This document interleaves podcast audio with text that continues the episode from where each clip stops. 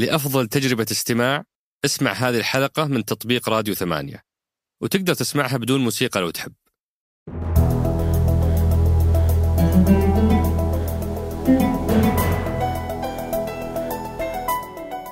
هذا سقراط من إذاعة ثمانية.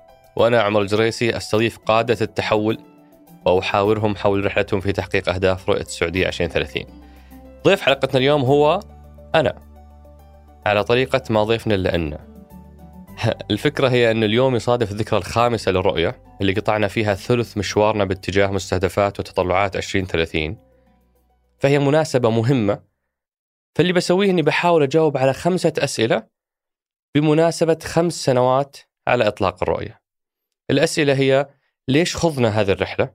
وين وصلنا في هذه الرحلة؟ متى ينتهي الألم ويتحسن وضع المواطن؟ وش أخبار البرامج التنفيذية ومبادراتها؟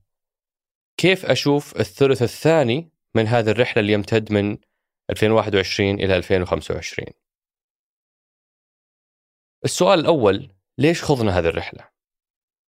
أتذكر في جون 2013 استقبلت اتصال مؤلم جدا من والدتي تقول لي إنه والدك أصيب بجلطة وهم يقضون إجازتهم في أبها وأنا موجود في الرياض. كان خبر آه، مزعج جدا. بحثت عن أقرب رحلة سافرت أنا وإخواني إلى أبها قابلنا الوالد في المستشفى بعد ما أجرى عملية قسطرة وكان جدا منزعج الوالد. يقول أنا قلت لهم بس كتفي يوجعني وليتني ما قلت لهم لأنه من يوم ما قلت لهم جابوا لي المستشفى ومخدر ومغذي وأكسجين وأكلي ما هو بأكلي ونومي ما هو بنومي وقاعد لحالي فكان جدا منزعج بتبعات معلومة إنه كتفي يعورني. فهو يقول ليتني ما قلت لكم كتفي يعورني. هو قاعد يشوف ألم العلاج بس ما هو مستوعب تبعات لو ما جاء وخاض هذا العلاج. اللي سويناه أننا نادينا الدكتور وجلسنا نشرح له لو ما خاض عملية القسطرة إيش التبعات اللي كانت ممكن تحدث. وبدأ الدكتور يشرح له لا سمح الله آه، آه، وش أسوأ شيء ممكن يحدث في تلك الحالة فاقتنع واستوعب إنه بهذا الألم البسيط هو تجنب ألم أكبر وأخطر. هالقصه تذكرني دائما بان اجراء العملية أي عملية عبارة عن قرار وله ثمن. وأيضا عدم إجراء العملية ترى يعتبر قرار وثمنه أعلى بكثير. وقصة الوالد أيضا توضح لي أن الوعي بعواقب الأمور من شأنه أن يخفف الأثر والضرر لأننا نتذكر أننا بهذا المسار المؤلم جالسين نتجنب أو نجنب أنفسنا ألم أكبر. بعد هالمقدمة تعالوا نتذكر إيش كان الواقع عام 2015 عام 2015 كانت نهاية الخطة الاقتصادية الخمسية التاسعة. بعد 45 سنة من محاولة تنويع الاقتصاد النتيجة أنه كانت ميزانيتنا في عام 2014 معتمدة بنسبة 89% على إيرادات بيع النفط واقتصادنا معتمد على إنفاق الحكومة اللي جاي من إيرادات بيع النفط. وسبق في حلقة مع بودكاست فنجان آه، بعنوان مراقب على الرؤية أننا سولفنا بالتفصيل عن خطورة هذا الوضع فما يحتاج أننا نعيدها لكن ممكن نلخصها ونقول الاعتماد على دخل النفط خطأ وخطر لأنه واحد معرض للنضوب هو في النهاية منتج غير متجدد. ثانيا هو معرض للتحول الاستهلاك الداخلي.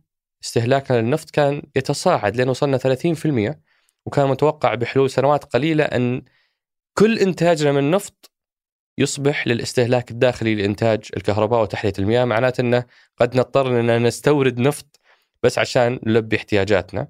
فهذا الدخل سينتهي بهذا الشكل الخطر الثالث أنه لو افترضنا بقاء دخل النفط كما هو الشعب ينمو وتطلعاته تزداد وبالتالي ثبات الدخل ونمو الشعب سيؤدي إلى تراجع نصيب الفرد من هذا الناتج المحلي أو هذا الاقتصاد.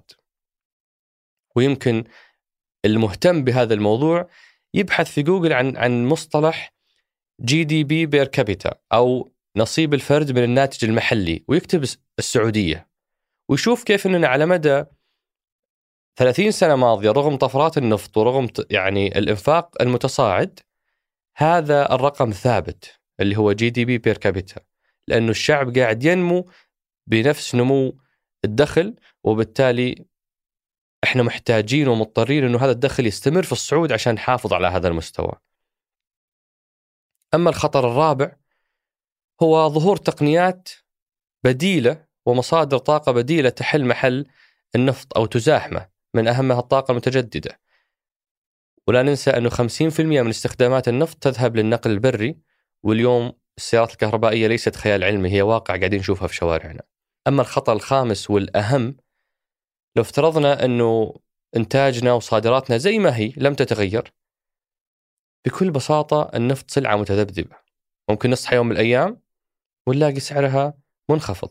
هذه حدثت بالفعل في الماضي في الثمانينات والتسعينات وحدثت أيضا في الحاضر عام 2016 وعام 2020 وبس نذكر مرة ثانية بأنه في 2014 دخلنا من النفط كان 990 مليار تقريبا ودخلنا من النفط في عام 2016 بعدها بسنتين فقط كان 300 وشوي مليار. انخفض إلى الثلث في سنتين. تحدي ثاني كان على طاولتنا في عام 2015 هو البطالة المتصاعدة. رغم الطفرة النفطية اللي عشناها من 2003 إلى 2014 وإحنا قلنا أن اقتصادنا معتمد على الإنفاق الحكومي تخيل الإنفاق الحكومي قفز من 270 مليار عام 2003 إلى 100 إلى تريليون و110 مليار عام 2004 عام 2014 يعني تضاعف أربع مرات. ولم تحل مشكلة البطالة اللي وصلت حينها إلى نسبة تقارب 11% وهذا مؤشر خطير أن نموذجنا الاقتصادي السابق لم ولن ينجح مهما زاد إنفاقنا بالشكل السابق.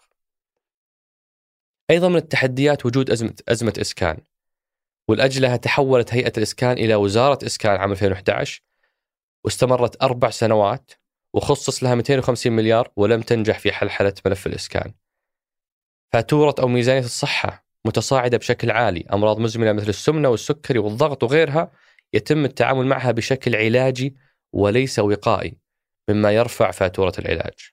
قطاع خاص غير ممكن ومعتمد بالكامل على الإنفاق الحكومي ومشاركته في الناتج المحلي الإجمالي لا تتجاوز 40% منشآت صغيرة تعتبر الموظف الأكبر في أي اقتصاد لكنها لا تمثل إلا 20% فقط من الناتج المحلي مقارنة ب 50% و70% في اقتصادات أخرى. مجتمع شاب جلهم تحت الثلاثين لكنهم بدون خيارات ترفيهية وثقافية ورياضية هل يعقل أن نصف المجتمع لم يكن يملك حق الذهاب لأندية رياضية نسائية مغلقة؟ هل يعقل أن الشاب السعودي عشان يسمع للمطرب السعودي لازم يسافر لدولة خليجية؟ إنفاق غير فعال كان يقارب 25% من إنفاقنا السنوي بحسب تصريح معالي الأستاذ محمد آل الشيخ كان ينفق بشكل غير فعال. وهذا هذه النسبة تقارب 2 تريليون ريال في الطفرة النفطية الماضية. كل هذه وغيرها تمثل تحديات خطيرة تهدد مستقبلنا بشكل حقيقي وكان لابد من التعامل معها عبر رؤية طويلة المدى لأنها تحديات تراكمت عبر سنوات طويلة. وعلى الجانب الآخر حتى لو ما كان عندنا هالتحديات فإحنا عندنا أيضا فرص هائلة غير مستغلة. موقع استراتيجي بين ثلاث قارات على البحر الأحمر اللي تمر من خلال أكثر من 10% من التجارة العالمية ومساهمتنا اللوجستية فيها 0%. سواحل بحرية بطول أكثر من 4000 كيلو متر. أكثر من ألف جزيرة ساحرة بدون تنشيط للسياحة، رغم أن سياحة البحر والرمل والشمس أو اللي يسمونها sun and sand and sea هي من أهم أسباب السفر حسب الإحصاءات العالمية.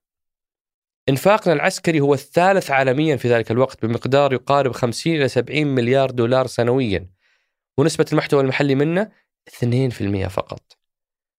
مجتمع شاب ينفق على السياحة والترفيه سنويا قرابة 20 مليار دولار خارج بلده.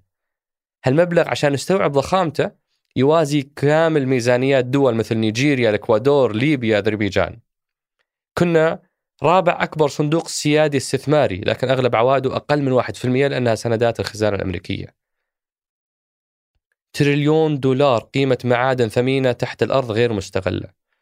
نقع في أهم مواقع الطاقة المتجددة المتنوعة سواء الشمسية أو الرياحية أو, أو الرياح لكننا لا ننتج ولا كيلو وات واحد منها.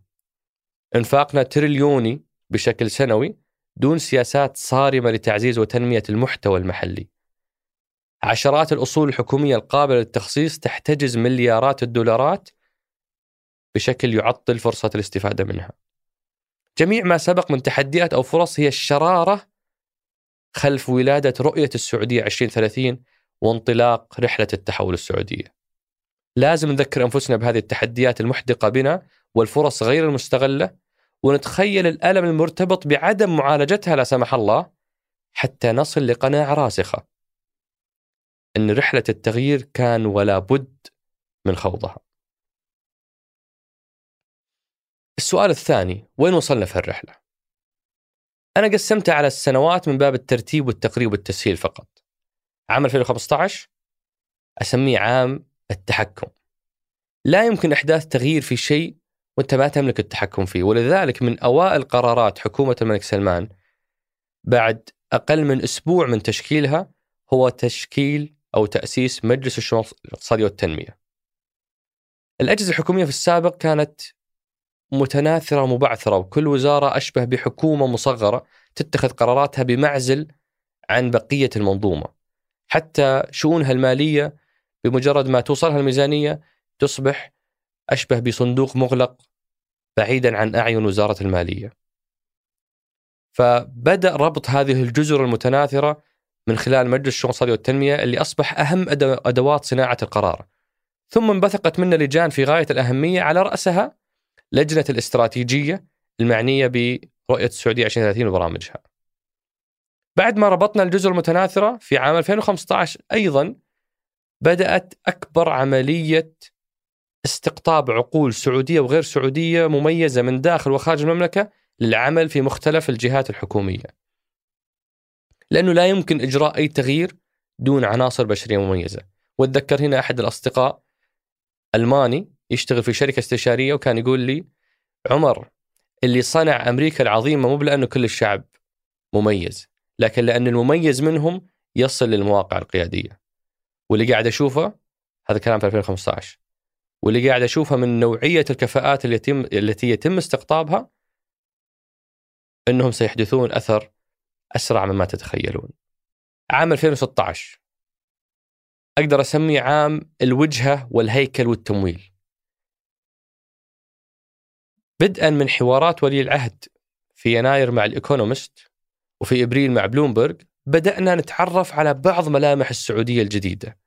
ثم تم الإعلان بشكل مفصل عن رؤية السعودية 2030 في مثل هذا اليوم 25 إبريل 2016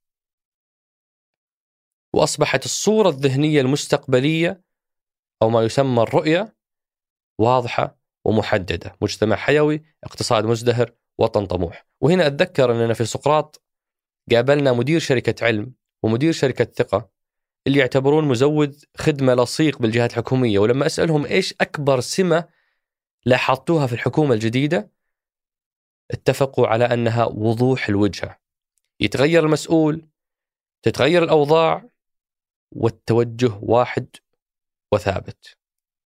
بعد ما حددنا الوجهة حان وقت إعادة الهيكلة. وهذا ما حدث في 7 ماي 2016 بعد ما تحددت الوجهة. حدثت أكبر عملية إعادة هيكلة وولد مفهوم عبقري اسمه المنظومات الحكومية. ما عاد عندنا وزارة الزراعة والمياه فقط صارت منظومة البيئة والزراعة والزراعة والمياه اللي تضم تحتها عدة أجهزة مثل مؤسسة تحلية المياه وصندوق الزراعي ومؤسسة الحبوب مركز تنمية الغطاء النباتي وغيرها كلها أصبحت تحت منظومة الزراعة والبيئة والمياه. ما في شيء اسمه وزارة صناعه كذا لحالها، وإنما في منظومة وزارة الصناعة والتعدين. أو منظومة الصناعة والتعدين تحتها هيئة مدن، الهيئة الملكية للجبال والينبع، الصندوق الصناعي وهكذا. كل وزارة أصبحت محاطة بمنظومة. والمنظومة بكاملها لديها مكتب واحد لتحقيق الرؤية هو حلقة الوصل بين لجنة الاستراتيجية والمنظومات المختلفة. بعد التوجه والهيكل حان وقت التمويل. ما في شيء بدون فلوس. بعد استقطاب القيادات وتحديد الوجهة والهيكل حان وقت توفير التمويل اللي ظهر من خلال تأسيس وتفعيل مركز إدارة الدين العام. وإطلاق بعد ذلك إطلاق برنامج التوازن المالي في ديسمبر 2016 واللي كان مسؤول عن تنويع مصادر دخل الحكومة. لسه ما بدينا رحلة تنويع الاقتصاد إحنا نتكلم عن تنويع مصادر دخل الحكومة عشان تقدر تمول مشاريعها ومبادراتها التحولية في هذه الرحلة. عام 2017 أقدر أسميه عام التخلص من العقبات وإطلاق الأدوات. كان عندنا حربين مهم أننا نخوضها قبل ما ننطلق في رحلتنا. الحرب الأولى حرب ضد الفساد. بدأت معركة الفساد على أعلى مستوى شملت أمراء ووزراء ورجال أعمال ومختلف المسؤولين قاد هذه الحملة لجنة عليا برئاسة ولي العهد ثم تحولت إلى عمل مؤسسي روتيني من خلال هيئة نزاهة اللي شهريا اليوم تشاهدونها تصدر تقارير القبض على الفاسدين في مختلف القطاعات وعلى مختلف المستويات. حربنا الثانية كانت ضد التطرف والحركيين أصحاب الأجندة اللي لا يسعدهم نهوض البلد ونجاحها. بدأت معركة التطرف بكلمة من ولي العهد في مايو 2017 وقتها كانت مفاجأة لما قال الإعلام الإخوانجي ثم بعدها بشهر في جون بدأت مقاطعة قطر وتجفيف مصادر تمويل وتأثير هؤلاء ثم تم إيقاف مجموعة من قيادات المتطرفين في سبتمبر من نفس السنة وختمت هذه الحرب بكلمة لولي العهد في أكتوبر لما قال لن نضيع 30 سنة في محاربتهم سندمرهم اليوم وفورا. وعام 2017 أقدر أعتبره أيضا عام إطلاق الأدوات ففيه أطلقت القدية العلا البحر الأحمر نيوم رؤى الحرم المكي رؤى المدينة وجدة داون تاون وغيرها. عام 2018 نقدر نعتبره عام البرامج التنفيذية. صار عندنا فريق ميزانية توجه واضح هيكل مساعد فنقدر اليوم نبني خططنا التنفيذية. ففي عام 2018 أطلقت برامج تحقيق الرؤية آه، مثل الإسكان التخصيص برنامج تطوير القطاع المالي برنامج جودة الحياة وتم إصدار نسخة محدثة من برنامج التوازن المالي. ونقدر نضيف لهم برنامج صندوق الاستثمارات العامة اللي أطلق نهاية 2017 وبرنامج تطوير الصناعة والخدمات اللوجستية اللي أطلق بداية 2019 وبكذا خلال 14 شهر أطلق جل برامج تحقيق الرؤية التنفيذية وأصبحنا جاهزين للانطلاق. عام 2019 نقدر نعتبره هو العام الأول للرؤية. في هذا العام ملف الإسكان حقق رقم تاريخي في عدد المستفيدين اللي وصل 300 ألف مستفيد منهم 109 آلاف بالفعل سكنوا مساكنهم.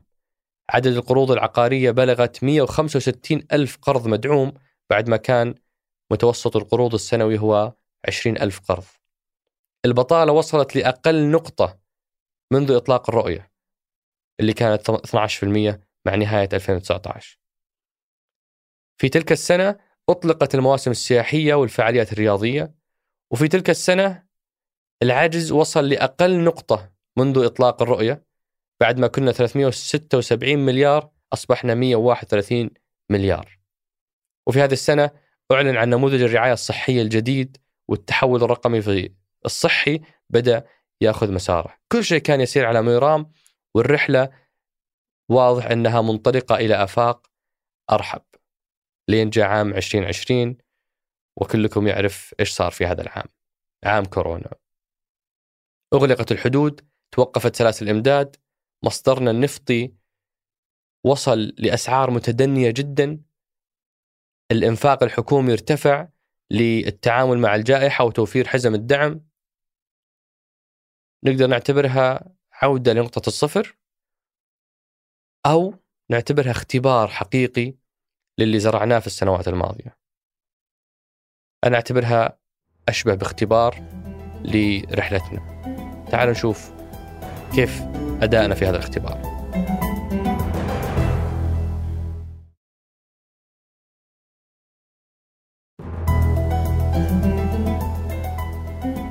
إيراداتنا غير النفطية شكلت 35% بعد ما كانت أقل من 15% وهي بفضل الله اللي خففت من آثار انخفاض أسعار النفط. تحولنا الرقمي اللي كان يعادل أكثر من 3800 خدمة حكومية إلكترونية كانت هي الإنقاذ أثناء إنجاز الناس معاملاتهم من منازلهم. المدفوعات الرقمية قفزت من 18% إلى قرابة 38% في عام 2020 واللي سهلت من إدارة الأزمة بدون ما آه، تتعثر عمليات المشتريات والحركة التجارية. إدارة الدين العام أصدرت من المنازل العديد من السندات وغطي العجز المالي من آه، آه، المنازل لأن المنظومة كانت مكتملة والعلاقة بالمستثمرين كانت ناضجة وبالتالي تجاوزنا الأزمة بدون ما يتم تخفيض تصنيفنا أو إعاقتنا عن الحصول على قروض توازي العجز. قبل هذه الجائحة نجحنا في زيادة تخصيص النطاقات الترددية 200% مما ضاعف مستفيدي الألياف الضوئية. في الصحة الرقمية 35 موعد 35 مليون موعد حجز خلال الجائحة عن بعد 3.5 مليون كشف عن بعد 4.2 مليون وصفة إلكترونية عن بعد. أمننا الغذائي ارتفع من 40 إلى 60% الدجاج اللاحم اكتفاءنا الذاتي منه. استزراعنا السمك ارتفع من 30 ألف إلى 100 ألف طن اكتفاء ذاتي. الخدمات العدلية أكثر من 100 خدمة تتم عن بعد وأكثر من 73 ألف جلسة عن بعد خلال جائحة كورونا. في إدارة الميزانية 100 ألف يوزر فعال يوميا على منصة اعتماد من قطاعين العام والخاص. كلهم كانوا يديرون حركة الأموال والمطالبات والاعتمادات بدون ما تتعثر أو تتوقف خلال الجائحة. ولو توقفت لكان الضرر على القطاع الخاص أكبر وأكثر. منظومة الاستثمار الجريء لو نتذكر في جائحة كورونا من أهم أبطالها هي شركات التوصيل وشركات آه، التجارة الإلكترونية اللي خلال الجائحة أغلقت جولات استثمارية مثل شركة آه، آه، سلاسة وشركة سلة وساري وجاهز وغيرهم بمشاركة من من شركة الاستثمار الجريء اللي هي إحدى المبادرات التي أطلقت مع الرؤية لتسريع نمو الشركات الناشئة. جميع ما سبق من أرقام هي تؤكد أنه عام 2020 كان اختبار قاسي لرؤيتنا وأعتقد أننا نجحنا.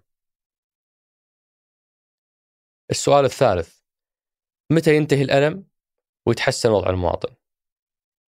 بذكر هنا قصة طريفة وإن كانت شطحة شوي لكن أظن أنها قد تساعد في تقريب الفكرة. اللي يتذكر عدنان ولينا كان في مشهد لسفينة القلعة وهي تطارد نامق ومعاه لينا.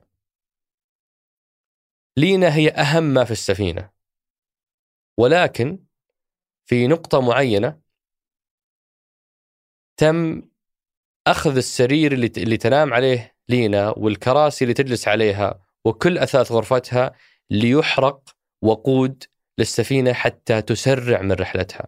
هل هذا يعني أن السفينة أهم من لينا؟ لا. لكن لا يمكن حماية لينا بدون ما نحصل على سفينة قوية وسريعة.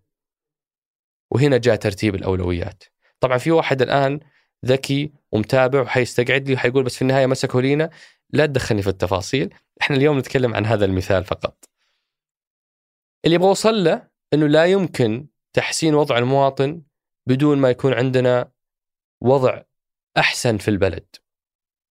تحسين وضع المواطن ليس مشروع بحد ذاته وإنما هو نتيجة المشاريع التحسينية الأخرى اللي تحدث في البلد. لو نرتب الأولويات بنقول لا يمكن تحسين وضع المواطن إلا باقتصاد قوي ومتين. ولا يمكن خلق اقتصاد قوي ومتين إلا بدولة في وضع مالي وتنفيذي متميز.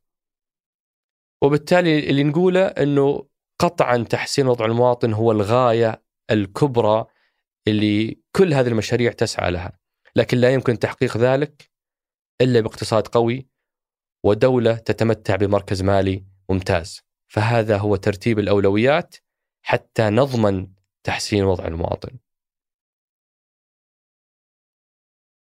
السؤال الرابع. إيش اللي تحقق من مستهدفات برامج الرؤية؟ وإيش اللي لم يتحقق؟ في التحول الوطني إحنا اليوم وصلنا ل 81% من الخدمات الحكومية متاحة إلكترونيا. النساء في الخدمة المدنية ارتفعت من 39% إلى 42% متجاوزين مستهدفنا. النساء القياديات وتعريف القياديات هو من المرتبة الحادي عشر وأعلى كانوا 1.6% وصلوا 3.5% السلامة المرورية وهذا إنجاز هائل. خفضت الوفيات من 28 وفاة لكل 100 ألف نسمة إلى 16 وفاة لكل مئة ألف نسمة. وعلى فكرة الهدف كان هو 20 وفاة فإحنا تجاوزنا مستهدفنا واللي مو مستوعب حجم الإنجاز شفتوا الزحمة اللي سوتها كورونا والأزمة العالمية الهائلة والإغلاق والإجراءات الضخمة؟ كلها نتيجة قرابة 6000 وفاة في السنة الأولى لكورونا الله يرحمهم جميعا للمعلومية. حوادث المرور كانت تقتل سنويا قرابة 9000 نفس. هذا غير الكلفة الاقتصادية للمصابين وغيرها إمدادات المياه زادت من 8 مليون متر مكعب إلى 10 مليون متر مكعب مما, زا مما ساعد في زيادة ساعات الضخ من 10 ساعات يوميا إلى 19 ساعة يومية في الأحياء المخدومة. طاقة معالجة المياه أو إعادة تدويرها ارتفعت من 4 مليون متر مكعب إلى 5 مليون متر مكعب. مشاريع المياه المتعثرة كانت 73% واليوم نزلت إلى 7% فقط. أكثر من 500 إصلاح تمت في بيئة الأعمال جعلتنا نقفز 30 مرتبة في مؤشر التنافسية. وصلنا أكثر من 330 ألف متطوع بعد ما كنا 11 ألف متطوع رسمي موثق. وهذا الرقم يمثل 33% من هدفنا اللي هو مليون متطوع في 2030 زدنا طاقتنا الإنتاجية من المياه المحلات مليون متر مكعب يوميا بدون استثمار ريال واحد زيادة. وصلنا إلى 5.6 مليون متر مكعب يوميا من المياه المحلات كأكبر دولة على مستوى العالم. أنشأنا ست محميات ملكية برية ومحمية مائية هي الأضخم في العالم وأطلقنا الشرطة البيئية ومراكز الغطاء النباتي والحياة الفطرية ومشاريع لزيادة أعداد الأشجار في الرياض وفي أنحاء المملكة. في برنامج التحول الوطني عدة مؤشرات من أهمها مؤشر مدركات الفساد اللي تقدمت في المملكة من مرتبة 62 إلى 52 في عام 2020 وكذلك في مؤشر أعمال وقوانين المرأة من المركز الأخير بدرجة 26 إلى المركز 96 بدرجة 80% لما أقول المركز الأخير أبغاكم تتذكرون أسوأ دولة في بالكم في وضع المرأة ترانا كنا أقل منها. واليوم قفزنا إلى المرتبة 96 ولسه قدامنا مشوار طويل. في مؤشر سهولة ممارسة الأعمال قفزنا من 94 إلى 59 هذه كانت مجموعة سريعة منتقات من آه، مستهدفات وإنجازات برنامج التحول الوطني. وأما برنامج صندوق الاستثمارات العامة واللي هو يعتبر البرنامج الوحيد حتى الآن اللي أصدر نشرته آه، آه، الختامية للموجة الأولى من البرنامج فقد حقق مستهدفة بزيادة الأصول من نص تريليون ريال إلى واحد ونص تريليون ريال وارتفعت عوائده من 2% إلى 8% وهذا أعلى مما كان مستهدف في خطة البرنامج. كانت 5% من من 5% من أصول عالمية واليوم وصلت إلى 30%. عدد الوظائف المباشرة اللي خلقها 12 ألف وظيفة ذات مستوى عالي وليست وظائف عادية. أسس اليوم على العديد من الشركات اللي تقود قطاعات جديدة مثل شركة سامي في القطاع العسكري وشركة 7 في مشاريع الترفيه وشركة إعادة التدوير وشركة إعادة التمويل والهليكوبترات وشركة البحر الأحمر في السياحة الساحلية وشركة القديه وروشن وشركة سفن الكروز وإلى آخره. صندوق الاستثمارات العامة يؤمن مستقبلنا اليوم من خلال استثماره في صندوق رؤية SoftBank اللي هو الصندوق الأضخم في استثمارات شركات الذكاء الاصطناعي ومستقبل التقنية، إحنا اليوم موجودين في المستقبل. مستقبل الطاقة إحنا موجودين في ACWA Power. مستقبل النقل إحنا موجودين في Uber. مستقبل الاتصالات إحنا موجودين في Jio Platforms. مستقبل التجارة إحنا موجودين في نون. مستقبل مختلف نماذج الأعمال حتلاقونها في محفظة شركات SoftBank. أما برنامج تطوير القطاع المالي فالمنشآت الصغيرة كانت تمثل 99% من عدد المنشآت لكنها لا تحصل إلا على 2% فقط من قروض البنوك. اليوم وصلنا إلى 8% من قروض البنوك موجهة للمنشآت الصغيرة والمتوسطة. هذا بالإضافة إلى إنشاء بنك للمنشآت. كانت العمليات غير النقدية زي ما قلنا 18% والهدف في 2020 هو 28% لكننا تجاوزناه وصلنا أكثر من 36% كان في هدف تأهيل واعتماد ثلاث شركات تقنية مالية وتم اعتماد ست شركات. من أوغست 2020 أصبحت 100% من المنشآت التجارية ملزمة بنقاط البيع. متى آخر مرة تتذكر أنك طلعت محفظتك وكنت مضطر تدفع كاش في السعودية؟ عدد شركات التقنية المالية كانت صفر في 2016 واليوم عددها أكثر من 60 شركة في البيئات التجريبية المختلفة. قفزنا من المركز 97 إلى الثالث على مستوى العالم في حماية في مؤشر حماية أقلية المستثمرين. أما في برنامج الإسكان فنقدر نقول بأنه هذا من أهم إنجازات الموجة الأولى من برامج الرؤية. نسبة تملك المواطنين قفزت من 48% إلى 60% عدد القروض المدعومة سنويا كان يقارب 24 ألف قرض وصلنا إلى 289 ألف قرض مدعوم في عام 2020 فقط. تاريخ الصندوق 40 سنة قدم 800 ألف قرض مدعوم وفي ثلاث سنوات من إطلاق الرؤية قدم 400 ألف قرض مدعوم. حصة القروض المدعومة من إجمالي القروض العقارية كانت 7% وصارت 94% قروض مدعومة من إجمالي القروض العقارية. من صفر عقد موثق في منصة إيجار إلى 850 ألف عقد سكني موثق. من صفر اتحاد ملاك معتمد إلى 5000 اتحاد مسجل منها 1500 اتحاد مفعل. أكثر من 11 ألف وحدة سكنية في الإسكان التنموي تم تسليمها للمحتاجين.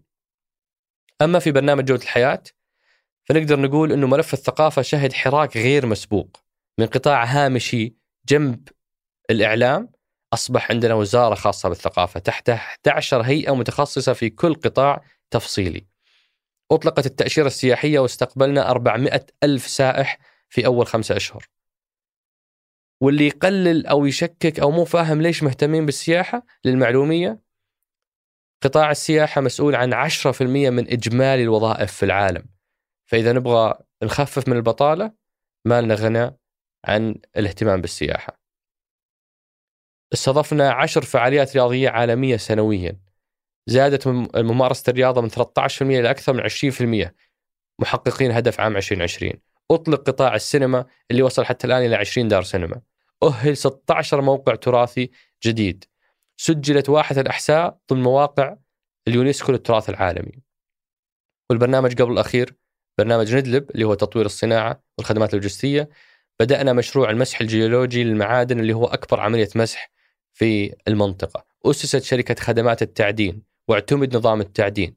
ارتفع الاستزراع السمكي من 30 ألف طن إلى 100 ألف طن وهذا هو المستهدف. أسست شركة سامي وهيئة قامي أو الهيئة العامة للصناعة العسكرية وارتفع توطين الصناعة العسكرية فوق 5% طاقتنا الإنتاجية للغاز كانت 12 مليار قدم مكعب وصلت 18 مليار قدم مكعب. أنجزنا أول مشاريع الطاقة المتجددة في سكاكا وهو اليوم فعليا يغذي 30 ألف بيت وعلى وشك إنجاز مشروع طاقة الرياح في دومة الجندل. في هذه السنة. بالإضافة إلى يمكن تابعته قبل كم أسبوع توقيع عقود سبعة مشاريع جديدة للطاقة المتجددة. أخيرا برنامج التخصيص تم بالفعل تخصيص محطة التحلية الثالثة في رابغ ومحطة الجبيل الثالثة آه، مشاريع شراكة مع القطاع الخاص. تم بالفعل بيع شركات مطاحن الدقيق التابعة للمؤسسة العامة للحبوب بإجمالي عائد 5.6 مليار ريال وتم الشراكة مع القطاع الخاص في بناء 60 مدرسة في مكة بسعة 50 ألف طالب وطالبة سيتولى القطاع الخاص تمويلها تم تخصيص الشركة السعودية للخدمات الطبية ميديكال اللي كانت ضمن مستهدفات برنامج التخصيص. هذه لمحة سريعة على على أهم ما تحقق في هذه البرامج ونقدر الآن ننتقل للكفة الأخرى اللي هي بعض المبادرات التي لم تتحقق. ويمكن أبدأ ببرامج بكبرها لم ترى النور رغم أنها كانت ضمن الموجة الأولى. أبدأ ببرنامج تعزيز الشخصية الوطنية، هذا برنامج لم يطلق ولم تعلن خطته، برنامج تنمية القدرات البشرية، برنامج ريادة الشركات الوطنية، برنامج الشراكات الاستراتيجية، هذه أربع برامج من برامج تحقيق الرؤية. للأسف لم تطلق ولم يتضح ما هو وضعها في المرحلة الماضية أو في المرحلة القادمة. في التحول الوطني كان عندنا هدف الوصول إلى ترتيب 30 في مؤشر الحكومة الإلكترونية لكننا لم نصل لذلك ووصلنا إلى 43 في النساء نسبة النساء القياديات كان الهدف هو 5% لكننا وصلنا 3.5% كان من ضمن المبادرات تعزيز اندماج الوافدين في المجتمع وإنشاء قنوات وإذاعات لهم لكن أظن ذلك لم يحدث. في برنامج الإسكان كان هنالك مبادرة متعلقة بإنشاء منصة لتحفيز بناء المساكن لكن أظن ذلك لم يحدث. من ضمن مستهدفات برنامج الإسكان كان تخفيض متوسط سعر الوحدة بحيث يكون خمس أضعاف متوسط دخل المواطن السنوي بدلا من عشر أضعاف دخل المواطن السنوي. ما عندي أدوات أقيس هذا الرقم لكني أقدر أقول إنه في الرياض الأسعار ارتفعت ولم تنخفض، فهذا هذا الهدف لا أظن أنه تحقق. في تقنيات البناء ذكر معالي الوزير أنه في 2018 البيوت ستبنى في 60 يوم وفي 2019 البيوت ستبنى في يومين. حدثت تجربة واحدة فقط بالفعل لكن هذا الخيار اليوم ليس متاح وليس موجود بشكل تجاري أستطيع أني أروح وأستفيد من هذا المنتج. في برنامج القطاع المالي مبادرة محورية مرتبطة بإلزامية تأمين على جميع المركبات وكان هنالك مبادرة أخرى محورية تتعلق بإنشاء كيان وطني للادخار ولكن أيضا هذا لم يحدث. في جودة الحياة كان هنالك مبادرة محورية بإنشاء جزيرة للفنون في جدة تشمل دار الأوبرا لكن هذه لم تحدث ولم يتم البدء فيها. وهنالك أيضا مبادرة تخص تطوير حصص الفنية في المدارس ولا أظن أنها حدثت. بالإضافة إلى مبادرة إقامة مجمع فنون ملكي في الرياض ولم يحدث ذلك. في برنامج ندلب كان هنالك مبادرة ومستهدف متعلق باستقطاب اتفاقية على الأقل واحدة لتصنيع سيارات داخل السعودية ولم يحدث ذلك. كان عندنا هدف نوصل 3% نسبة الطاقة المتجددة ضمن مزيج الطاقة ولم يتحقق ذلك.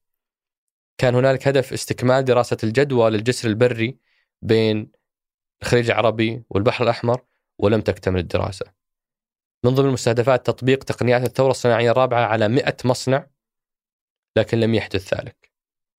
أظن أنه بدأت ولكن لم نصل ل 100 مصنع. في التخصيص كان هناك هدف مرتبط بتخصيص أو إطلاق المدارس المستقلة ولم يحدث ذلك. من ضمن مبادرات تحويل الموانئ إلى شركات وهي مبادرة محورية لكن لم تحدث حتى الآن. ومن ضمن المبادرات تخصيص الأندية الرياضية لدور المحترفين وأيضا هذا الهدف لم يتحقق. وفي صندوق الاستثمارات العامة كان هنالك مستهدف بوضع حجر أساس مشروع جدة داون تاون في في عام 2019 ولم يحدث ذلك أيضا كان هنالك هدف بوضع حجر أساس رؤى الحرم المكي ومشروع رؤى المدينة في عام 2018 ولم يتحقق ذلك حتى الآن طبعا لما أسرد هذه المجموعة من المبادرات التي لم تتحقق أرى أنها شيء طبيعي بجوار المبادرات الكثيرة التي تحققت في ظل أنها تجربة أولى لنا. وأتذكر في هذا الموضوع مع إطلاق الرؤية كيف كان البعض يرى أنها رؤية أفلاطونية حالمة بعيدة المنال لكن من مشاهدة المبادرات التي تمت أعتقد أننا قطعنا شوط كبير.